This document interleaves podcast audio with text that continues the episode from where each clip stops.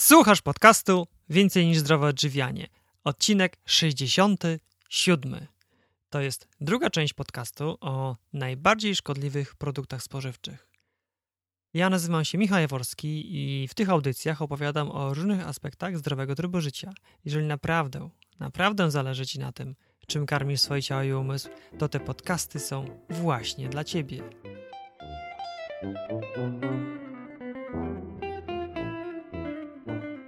Cześć, witam Cię serdecznie w 67. odcinku podcastu. Dzisiejsze nagranie jest kontynuacją blisko dwugodzinnej rozmowy z dr Grażyną Pająk na temat najbardziej szkodliwych produktów spożywczych.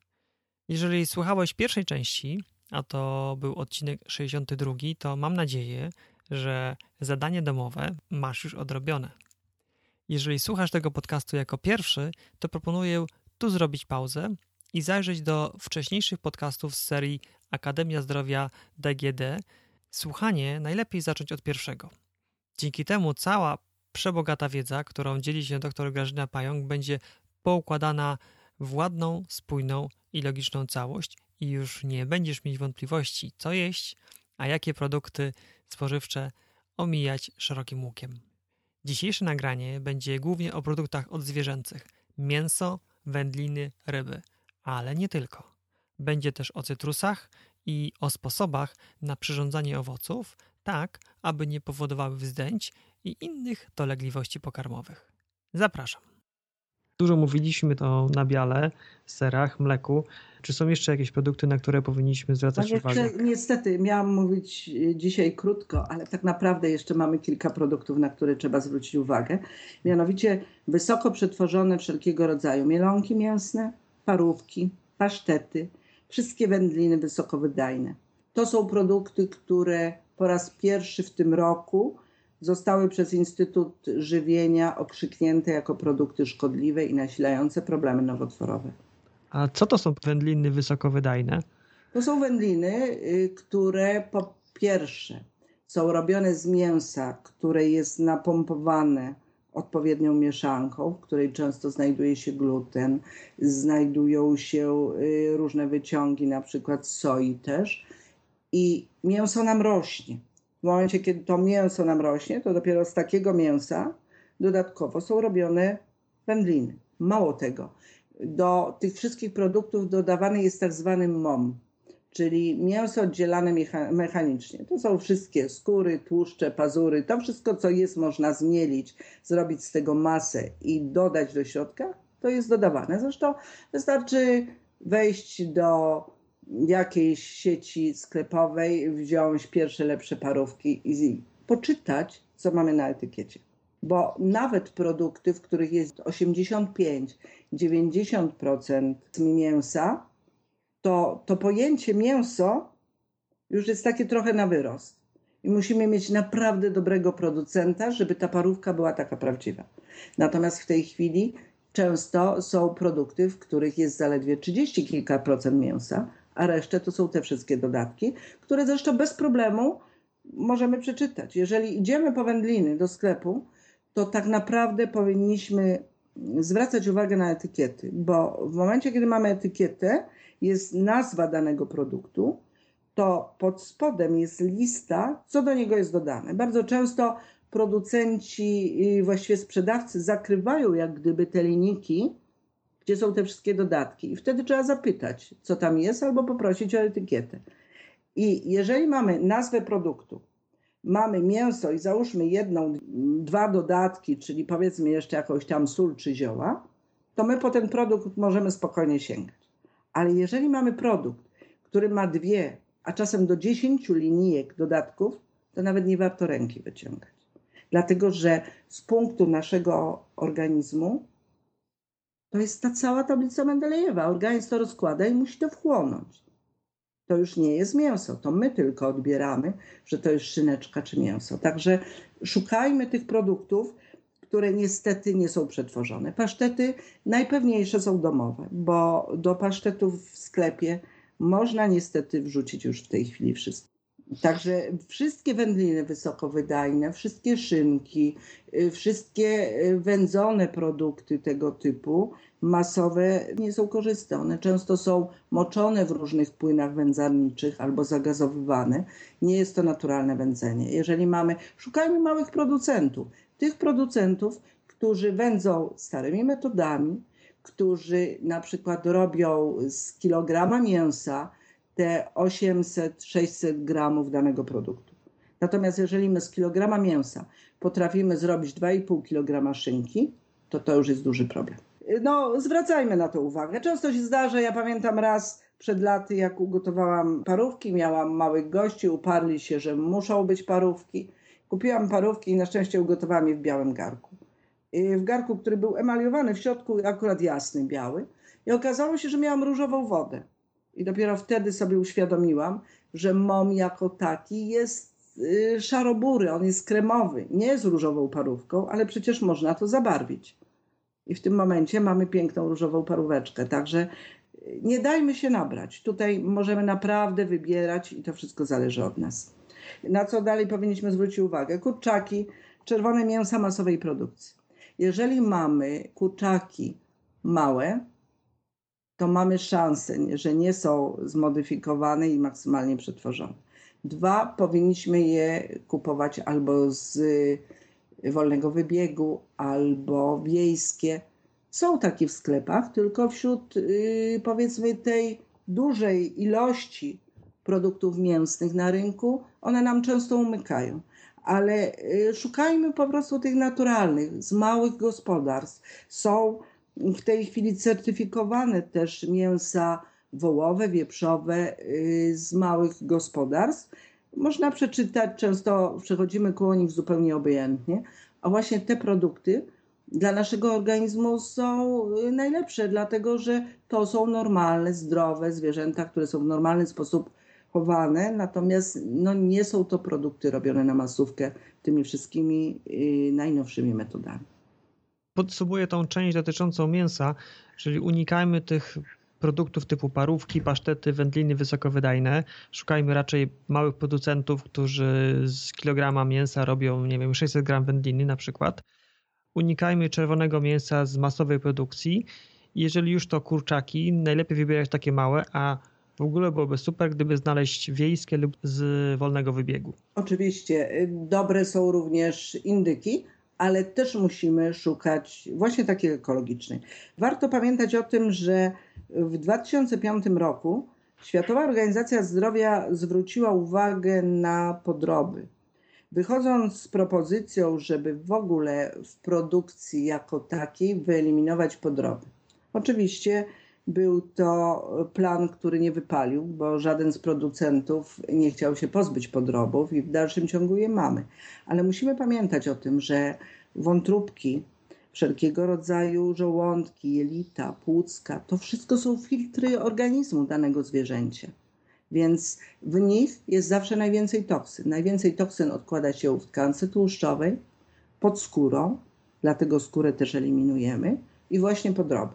Jeżeli mamy zwierzę, które rosło stosunkowo krótko, do tego wszystkiego w naturalnym środowisku, to nie ma problemu. My tą wątróbkę możemy zjeść, możemy zjeść mm, powiedzmy y, wtedy dobry domowy pasztet, możemy zjeść y, żołądeczki, nawet czy flaczki.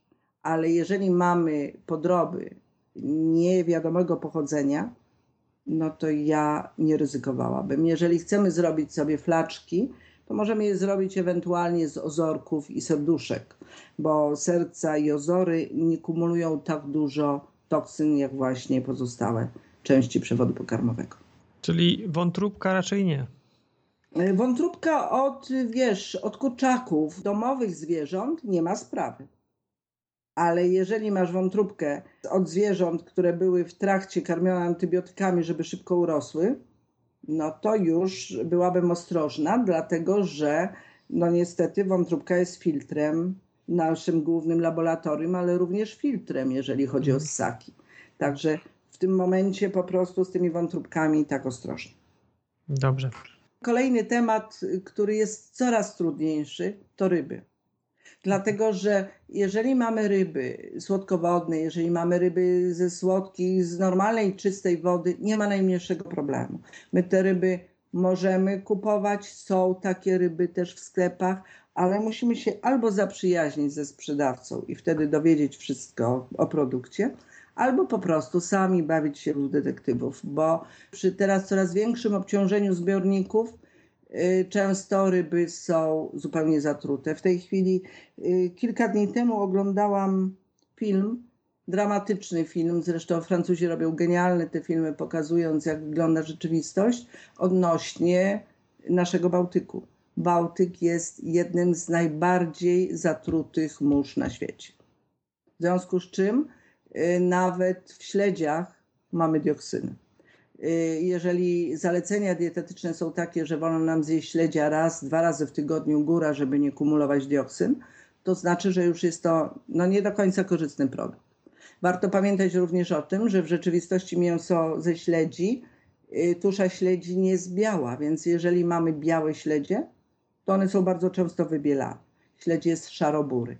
Jeżeli kupujemy ryby wędzone i jest to cała ryba zamknięta, to wtedy mięso w środku y, jest dobre. Natomiast jeżeli mamy filety y, wędzone, to wtedy warto się zastanowić, czym naprawdę te ryby były wędzone i jak to wygląda. Unikajmy wszystkich ryb z produkcji masowych, czyli panga, tilapia, ryba maślana, to są sztuczne ryby, to są ryby, które żyją zresztą w strasznych warunkach. Ale jeżeli mamy y, pstrąga błękitnego, jeżeli mamy czasem dobrego y, łososia, ale dzikiego, jeżeli to jest dorsz dalekomorski, jeżeli to są, jest halibut, jeżeli mamy na przykład ryby sandacza, karpia, ryby z naszych okolicznych wód, to warto na nie zwrócić uwagę, chociaż to też jest pułapka, bo znam y, takie miejsca, gdzie na przykład w dwóch stawach ryby są karmione sztucznie, a w pozostałych dwóch ryby rosną w naturalnym środowisku. Także po prostu zainteresujmy się, skąd mamy taką rybę, i wtedy możemy ją spokojnie stosować. A to, co mówiłaś o wędzeniu, że jeżeli ryba jest w całości wędzona, to w porządku, a jeżeli filet, to niekoniecznie, to z czego wynika ta różnica? Po prostu skóra ryb chroni je w ogóle w wodzie, jak pływają przed kadmem. To jest taka ciekawostka, ale tak właśnie jest. A poza tym, jeżeli skóra jest na zewnątrz i masz tylko rybę, prawda, wypatroszoną i przykładowo zostaje ci kawałek mięsa na zewnątrz, no to możesz to mięso dać kotu. Jeżeli będzie dobre, to kot go chętnie zje ale jeżeli będziesz miał rybę kiepską, to kot nie ruszy tego typu ryby, mimo że bardzo lubi ryby. Ja pamiętam, robiłam takie eksperymenty z kotami mm, dobre 10-15 lat temu, wtedy, kiedy się wszyscy zachwycaliśmy łososiami.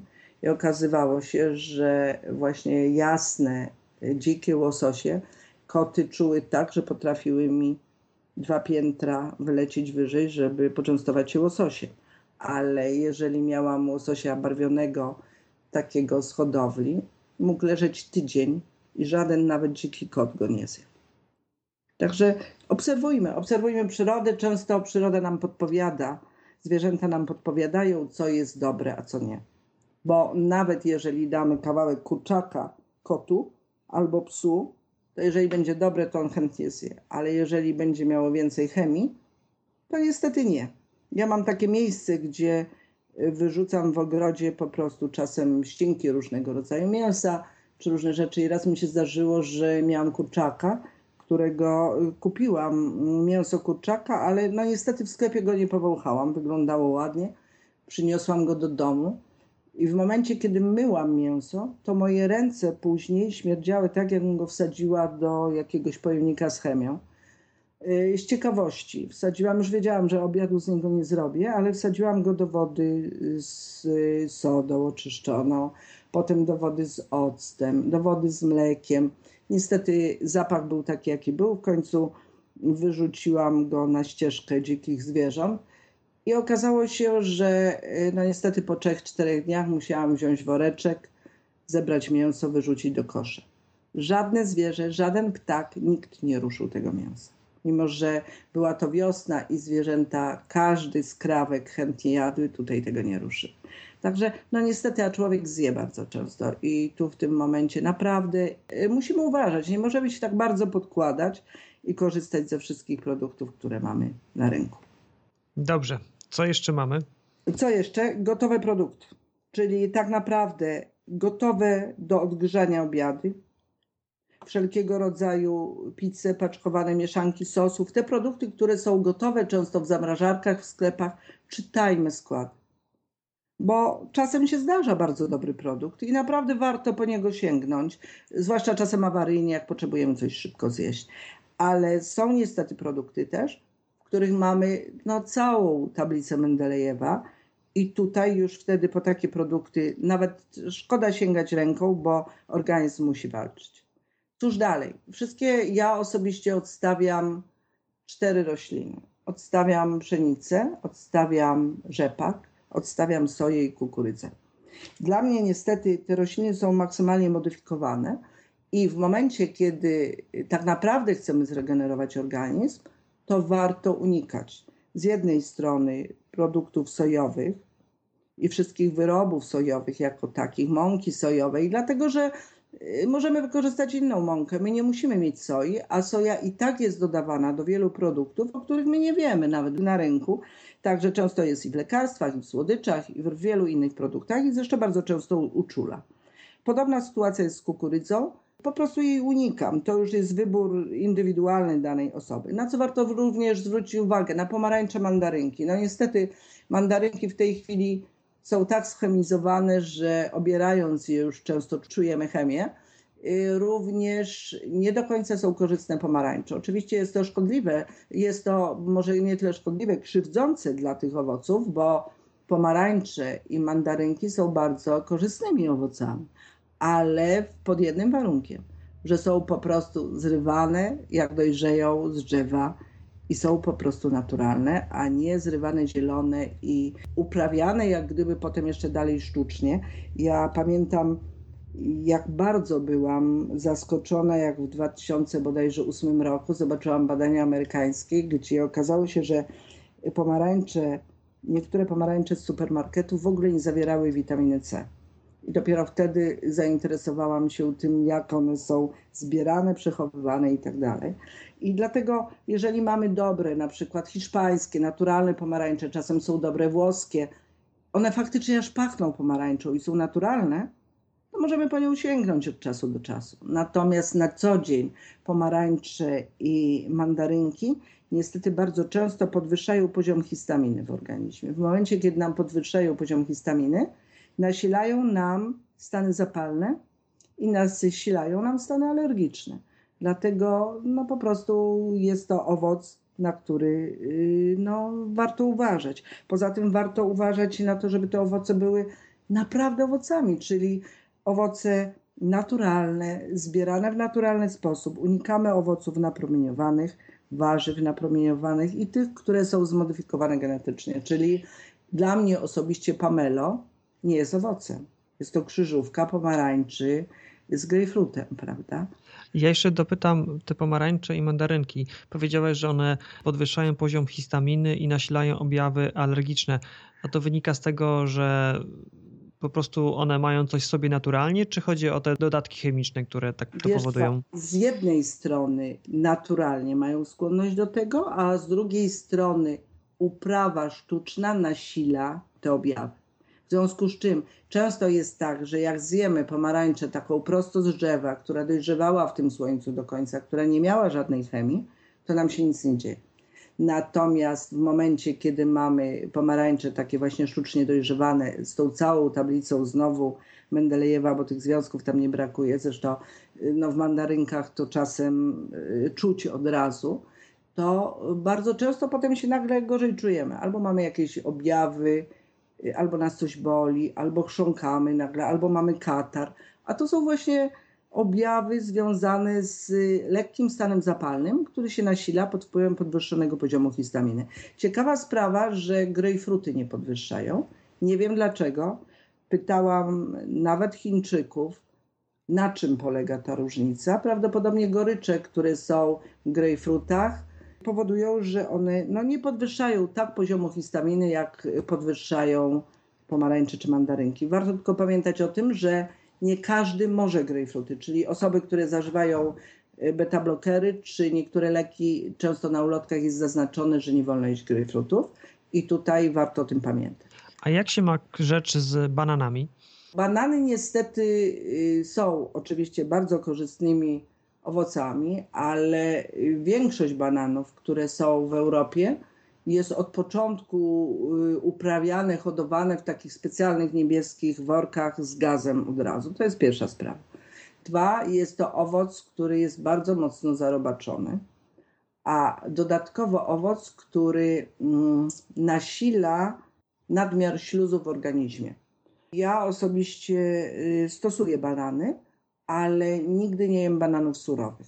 Chyba, że jestem gdzieś, załóżmy w Afryce, y, w Azji, są to naturalne owoce, to czasem sięgnę po takiego banana. Natomiast nie jem bananów surowych, dlatego że banan poddany obróbce termicznej jest pewny. On wtedy, nawet jeżeli tam jest jakieś obce białko, to i tak już jest unieszkodliwiony, w związku z czym banany uparowane albo banany pieczone, jak najbardziej. Czyli po prostu biorę banany w łupinach, rzucam na sitko i paruję, wtedy je używam. Albo do smoothie, albo obieram je jako normalnego banana czasem, albo wykorzystuję do różnych innych produktów, albo kroję banany w plastry, rzucam na patelnię, daję masło sklarowane, podduszam i mam y, smaczny dodatek.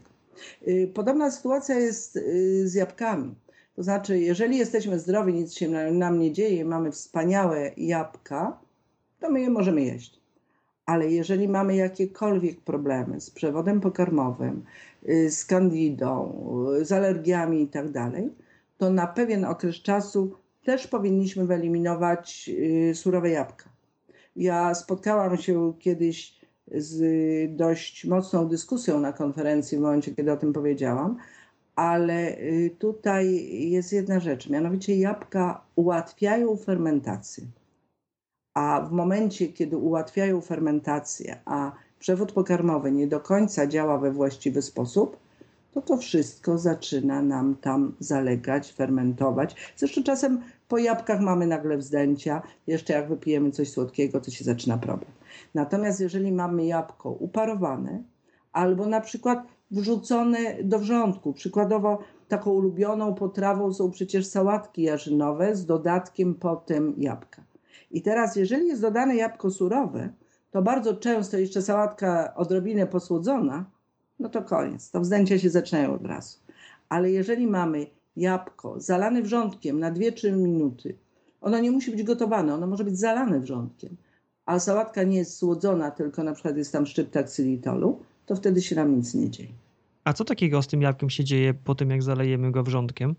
Myślę, że nie fermentuje tak łatwo i szybko w naszym przewodzie pokarmowym, w związku z czym znacznie lepiej jest trawione. Szczerze mówiąc, nigdy nie rozkładałam trawienia jabłka w przewodzie pokarmowym na czynniki pierwsze. Natomiast y, wracając jeszcze do bananów, y, w momencie, kiedy jemy banany poddawane obróbce termicznej, czyli jeżeli mamy na przykład banan uparowany i damy go, dodamy go do smoothie, albo y, mamy banan dodany gdzieś tam, gdzie on jest przetworzony termicznie, to nie odkłada się śluz w organizmie. Natomiast w momencie, kiedy mamy surowe banany, jemy je w dużej ilości, to mamy problemy ze śluzem, który zresztą odkłada się w różnych miejscach w organizmie, bo to nie tylko katar, to są również górne drogi oddechowe, to są jajowody i tak Także tak to jest. Ja jeszcze z tych produktów właściwie takich, na które zwracam uwagę, no to niestety warzywa i owoce masowej produkcji też staram się w miarę ograniczać. Staram się, wybieram małe sklepiki, wybieram y, niektóre sklepy, które faktycznie mają dobre, naturalne owoce i warzywa, które nie są przechowywane na przykład tak jak niektóre jabłka przez rok zamrażane w chłodniach. Ale do tego wszystkiego po prostu nie za bardzo lubię produkty owocowe i warzywne, te gotowe w słoiczkach. Są co prawda firmy teraz, które robią genialne, właśnie gotowe sałatki, często z dodatkiem tylko wody, kilku ziół, one są, nie będą stały co prawda 2-3 lata w sklepie, mają ograniczony czas, ale są dobre i wtedy po tego typu produkty możemy spokojnie sięgać. Warto pamiętać o tym, żeby unikać w potrawach po pierwsze y, glutaminian sodu, aspartam, związki siarki, czerwone barwniki i sól sztucznie jodowaną. To są produkty, które niestety powinniśmy omijać szerokim łukiem. Ja z solą sztucznie jodowaną walczyłam od dawna. Nie mogłam wytłumaczyć do końca, dlaczego są te problemy z przewodem pokarmowym, ale jak pomyślimy logicznie, y, w momencie, kiedy y, kisimy ogórki i solimy solą jodowaną, bardzo często robią nam się pufy i ogórki gniją. Dlaczego? Dlatego, że y, sól jodowana nasila procesy utleniania, a nie procesy redukcji i fermentacji. I podobna sytuacja jest w naszych jelitach. Dlatego tam, gdzie możemy, eliminujemy sól sztucznie jodowaną. Eliminujemy również kuchenkę mikrofalową, bo niestety nawet najlepszy produkt kupiony, odgrzany w kuchence mikrofalowej zdążymy zepsuć. A co takiego się dzieje z tym produktem w kuchence mikrofalowej? Bo jakby już w kilku miejscach się spotkałem z taką informacją, żeby jednak unikać stosowania kuchenki mikrofalowej. Mamy produkt martwy. My po prostu wsadzając produkt do kuchenki mikrofalowej, zmieniamy go na poziomie jonów. Czyli po prostu powodujemy po pierwsze, że struktura płynów zupełnie się zmienia. Niszczymy wszystkie enzymy, niszczymy struktury białek, ten produkt jest po prostu martwy. Jeżeli weźmiesz, wsadzisz coś do kuchenki mikrofalowej, to możesz zostawić na kilka lat, żaden robak tego nie zje i produkt się nie zepsuje. Właśnie dlatego, że jest już po prostu unieczynniony. I szkoda naszego organizmu, bo w momencie, kiedy mamy po prostu produkt martwy, to nasz organizm musi pożyczyć własne enzymy, żeby ten produkt strawić, bo inaczej nie strawi, no bo to jest martwe, prawda? Ale jeżeli pożyczy własne enzymy kosztem pracy komórek i funkcjonowania organizmu, no to pomału, pomału to trawi. Oczywiście, że jeżeli raz na pół roku czy raz na rok zjemy coś tam z kuchenki mikrofalowej, bo gdzieś jesteśmy, to nam się nic nie stanie. Ale jeżeli nagminnie robimy nawet całkiem niezłe posiłki w domu, a potem odgrzewamy w kuchence mikrofalowej, to zawsze są problemy. To jest tylko kwestia czasu. Tak się zastanawiam, czy jeszcze jest coś, o czym mogłabyś powiedzieć z takich rzeczy typowych, które się spotyka w supermarkecie, które nas kuszą, żeby je wrzucić do koszyka, tak żeby przestrzec słuchaczy, żeby jednak tego nie robili. Oczywiście napoje zawierające fosforany. Kolorowe różne napoje, które nagminnie kupujemy. Kupujemy na przykład półtora czy dwulitrowe butelki z brązowym płynem zawierającym dużo fosforanów, słodkim, wszyscy go kochają. I cóż się dzieje? Oczywiście pijemy go z największą przyjemnością. Pijemy go raz, drugi, trzeci, dziesiąty. Jesteśmy już od niego uzależnieni. Puchniemy, mamy problemy ze zdrowiem. Ja bardzo często obserwuję, jak stoję w supermarkecie, jest jakaś kolejka, no i stoję już tak bezmyślnie, czekam aż dojdzie do kasy to czasem obserwuję osoby, y, które płacą właśnie za różne produkty przy kasie. Od razu widać, jakie mają problemy i te produkty, które kupują, jak działają na organizm. Natomiast y, to nie jest tak, że my nie możemy. Czasem się zdarza, że mamy na przykład stan zapalny y, przewodu pokarmowego, jesteśmy w Afryce, gdzieś się źle czujemy, nie możemy sobie dać rady z pracą żołądka, na przykład przy grypie i nagle wypicie płynu ze szklanej butelki zawierającego fosforany bardzo szybko likwiduje stan zapalny, poprawia nasze samopoczucie, czujemy się zupełnie inaczej. Także to jest tylko kwestia tego, co wybieramy i kwestia ilości, bo no niestety każdy produkt może być lekarstwem, ale może być też trucizną. To ciekawe powiedziałaś twoja obserwacja w kolejce w sklepie, bo ja dokładnie na tym samym siebie teraz łapię, że jak czekam w kolejce, to patrzę, co mają moi sąsiedzi przede mną lub za mną w kolejce i rzeczywiście czasem widać dosyć dużą korelację między tym, co jest w koszyku, a jak wygląda dana osoba. Wiesz, ja się staram nie patrzeć już teraz, dlatego że miałam taki etap, że stojąc w kolejce i patrząc na ludzi, ja widziałam ich choroby, ja wiedziałam, jakie mają choroby, wiedziałam, jak te procesy zachodzą, a to już zaczyna być obsesja, bo idziesz ulicą i widzisz, na co kto choruje. Więc staram się tego nie robić, ale mhm. czasem, jak jestem bardzo zmęczona, gdzieś znudzona, to mi się to wymyka spod kontroli i faktycznie ta korelacja jest naprawdę duża. My nie musimy tyć, my nie musimy chorować, my się możemy naprawdę dobrze czuć, robiąc naprawdę małymi kroczkami postępy, czyli wybierając właściwe produkty, łącząc to wszystko we właściwy sposób, zaczynamy funkcjonować zupełnie inaczej. Ja myślę, że to jest dobry moment, żeby podsumować ten, ten dzisiejszy odcinek. Powiedziałaś o bardzo wielu rzeczach, których nie powinniśmy jeść ani pić. Można odnieść wrażenie, że tak naprawdę niewiele zostaje. Czym mamy się odżywiać? Jest I... produktów naprawdę dużo. W następnych odcinkach będziemy mówić o tym, co można jeść spokojnie, chociaż i tak tutaj przeplatałam różne produkty, które są dostępne i z których można korzystać. Tak, to już jest doskonała zapowiedź właśnie kolejnego odcinka, do którego już teraz zapraszamy, w których opowiemy o tym, co jeść, aby czuć się dobrze, zdrowo i nie chorować. Tak, myślę, że tak zrobimy w następnym odcinku. Mhm, super, bardzo, bardzo dziękuję za ten dzisiejszy odcinek i do usłyszenia. Dziękuję bardzo również, do usłyszenia, do widzenia. To tyle, jeśli chodzi o produkty spożywcze, które nam szkodzą. Nie wiem jak ty, ale ja już nie mogę się doczekać do kolejnej rozmowy z Grażyną. Będziemy w niej rozmawiać o diecie DGD. Jej nazwa wzięła się z angielskiego skrótu Dieta Dr. Grace. Jest to autorska dieta Grażyny Pająk, która od wielu lat już leczy przeróżne choroby cywilizacyjne, między innymi alergie, choroba Krona, a nawet, nawet wspiera terapie przeciwnowotworowe. O tym będziemy mówić już w jednym z kolejnych odcinków podcastu, na który Cię już teraz serdecznie zapraszam. No i oczywiście, tak jak po pierwszym odcinku, tak samo i po tym, mam dla Ciebie zadanie domowe. Zastanów się, co z tego, co właśnie usłyszałeś, usłyszałaś, możesz wdrożyć w swoim życiu już dzisiaj. Nie za miesiąc, nie za tydzień, ale właśnie dzisiaj. Być może na dzisiaj masz zaplanowane zakupy spożywcze. Zastanów się, co tym razem zrobisz inaczej. Tylko uwaga, nie wiem jak u ciebie, ale u mnie nie sprawdza się tak zwany skok na głęboką wodę. U mnie sprawdza się metoda małych kroczków. Czyli wybieram jedną rzecz, którą dzisiaj zmieniam, a reszta pozostaje tak jak było do tej pory, bez zmian. Po kilku dniach, albo nawet po tygodniu, gdy już się dobrze czuję z tą jedną zmianą, wprowadzam kolejne i tak dalej.